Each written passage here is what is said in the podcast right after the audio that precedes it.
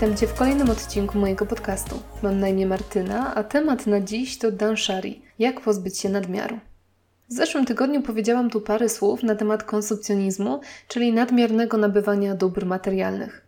Najczęściej zupełnie niepotrzebnych.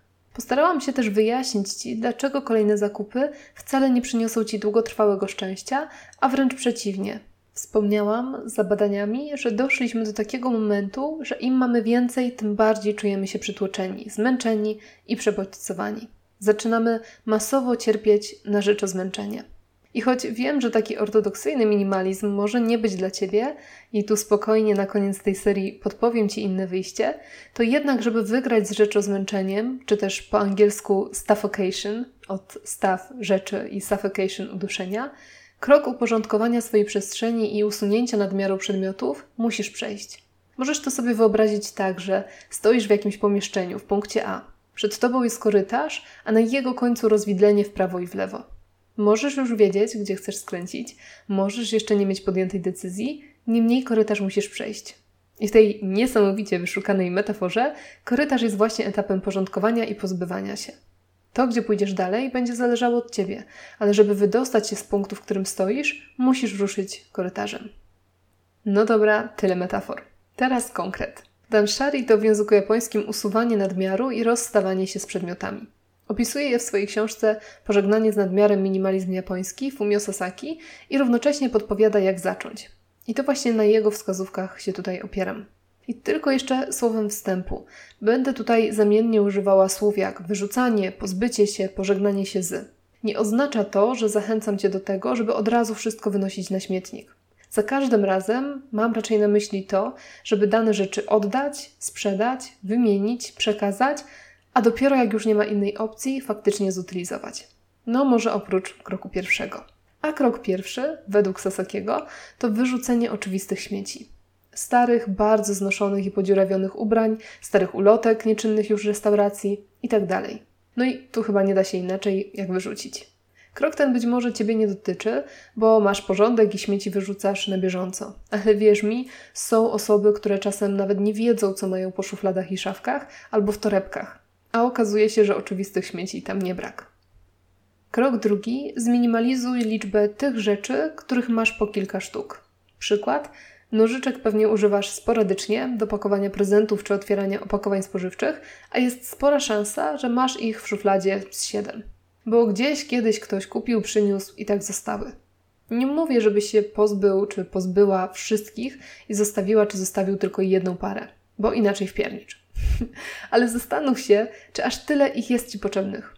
I tutaj mała uwaga, bo możesz sobie pomyśleć teraz, że o rany, o co jej chodzi, przecież ile miejsca zajmują nożyczki, a jak jeszcze są dobre, to po co mam na siłę wyrzucać? I okej, okay, możesz tego nie robić, to Twoja decyzja. Tylko zastanów się, ile takich zdublowanych przedmiotów trzymasz w całym domu. Bo zgaduję, że to nie są tylko nożyczki, ale też pewnie lakiery do paznokci w podobnych kolorach, miliard długopisów, z czego połowa nie pisze, z 50 gumek do włosów, gdzie używasz naprzemiennie dwóch. Bagatelizując każdy powtórzony przedmiot, szybko dojdziesz do tego, że całą jedną szufladę czy nawet szafkę zajmują rzeczy, których w ogóle nie używasz. Krok trzeci: pozbądź się tego, czego nie używałeś, nie używałaś od roku. I tu znów punkt zapalny. Ja w ogóle myślę sobie, że za cały ten odcinek może mi się oberwać, bo ja tutaj niepopularne rzeczy mówię. Ale schowam się za Sasakim, on tak pisał. Pozbądź się tego, czego nie używałeś, nie używałaś od roku.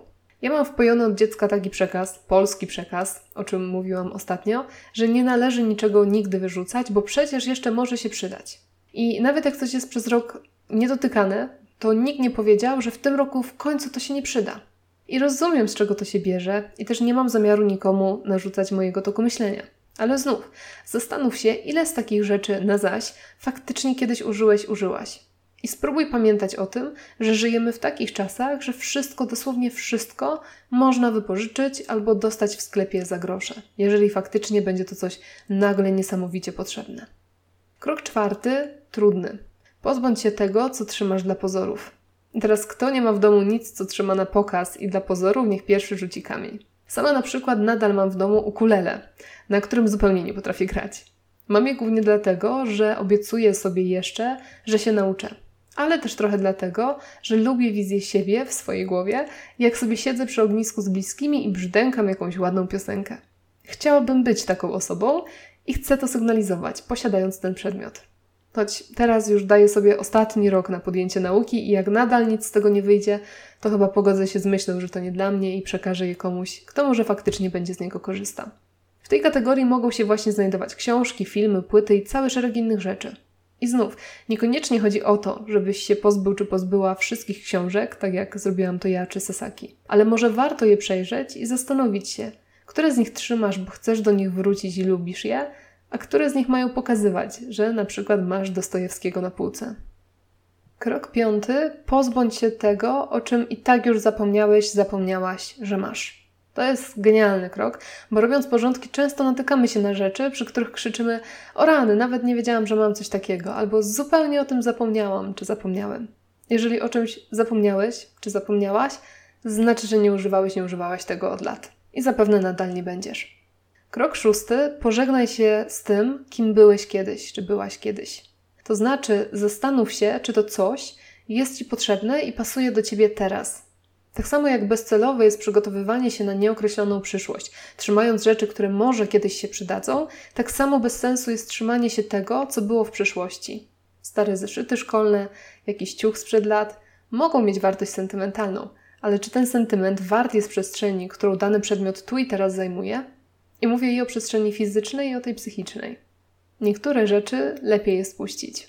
W większości wypadków po chwili w ogóle o tym zapomnisz.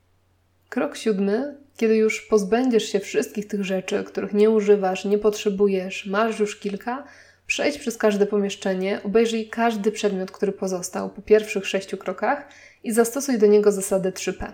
Przy każdym zastanów się, czy jest to coś, co jest praktyczne i faktycznie jest Ci potrzebne, i lub czy jest to coś, co jest niezwykle piękne i naprawdę chcesz to mieć, i lub czy jest to coś, co jest Twoją pamiątką i ma dla Ciebie prawdziwą wartość sentymentalną. Jeżeli dana rzecz nie spełnia żadnego z tych wymogów, od razu się tego pozbądź. A jeżeli spełnia tylko jeden, czyli coś jest albo tylko praktyczne, albo tylko piękne, albo tylko pamiątkowe, nadal porządnie się nad tym zastanów. Ideałem jest, kiedy coś spełnia dwa z trzech kryteriów. No albo trzy z trzech, ale o to już chyba ciężko. I tutaj albo zamiast punktu siódmego, albo jako krok kolejny ósmy, weź każdą rzecz do ręki i poczuj, czy czujesz radość. Przebłyski radości, czyli po angielsku sparks of joy, to termin już teraz bardzo popularny, który wprowadziła Marie Kondo. Nie wiem, czy ją kojarzysz, ona napisała książkę o porządkowaniu przestrzeni i ma całkiem sympatyczny program na Netflixie.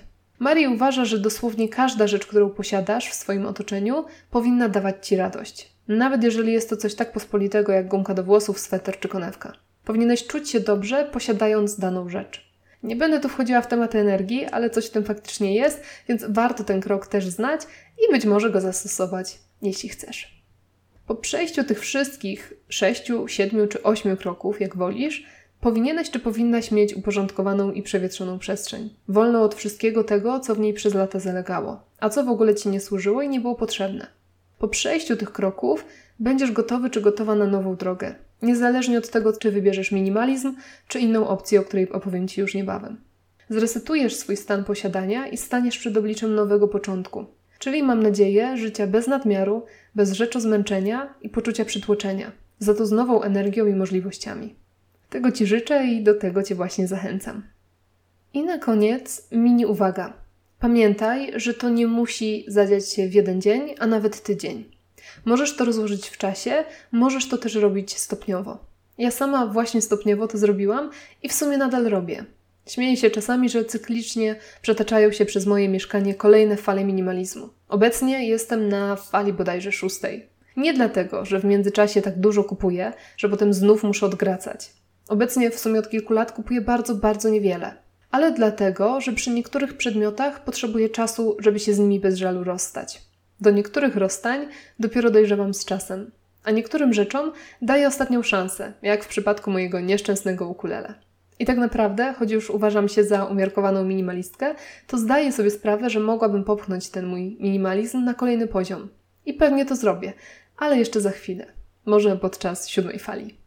Okej, okay, tyle gadania na dzisiaj. Mam nadzieję, że moje podpowiedzi, wskazówki z jednej strony w ogóle zachęciły Cię do wiosennych porządków i przeglądu swoich rzeczy, a z drugiej będą dla Ciebie przy tych porządkach pomocne. Natomiast to jeszcze nie jest koniec, gdyż w kolejnym odcinku, czyli we czwartek, zamierzam wrócić tu z jeszcze kilkoma radami dotyczącymi minimalizowania. Tak więc stay tuned, dziękuję Ci za dziś, życzę Ci wspaniałego dnia, no i do usłyszenia niebawem. Cześć!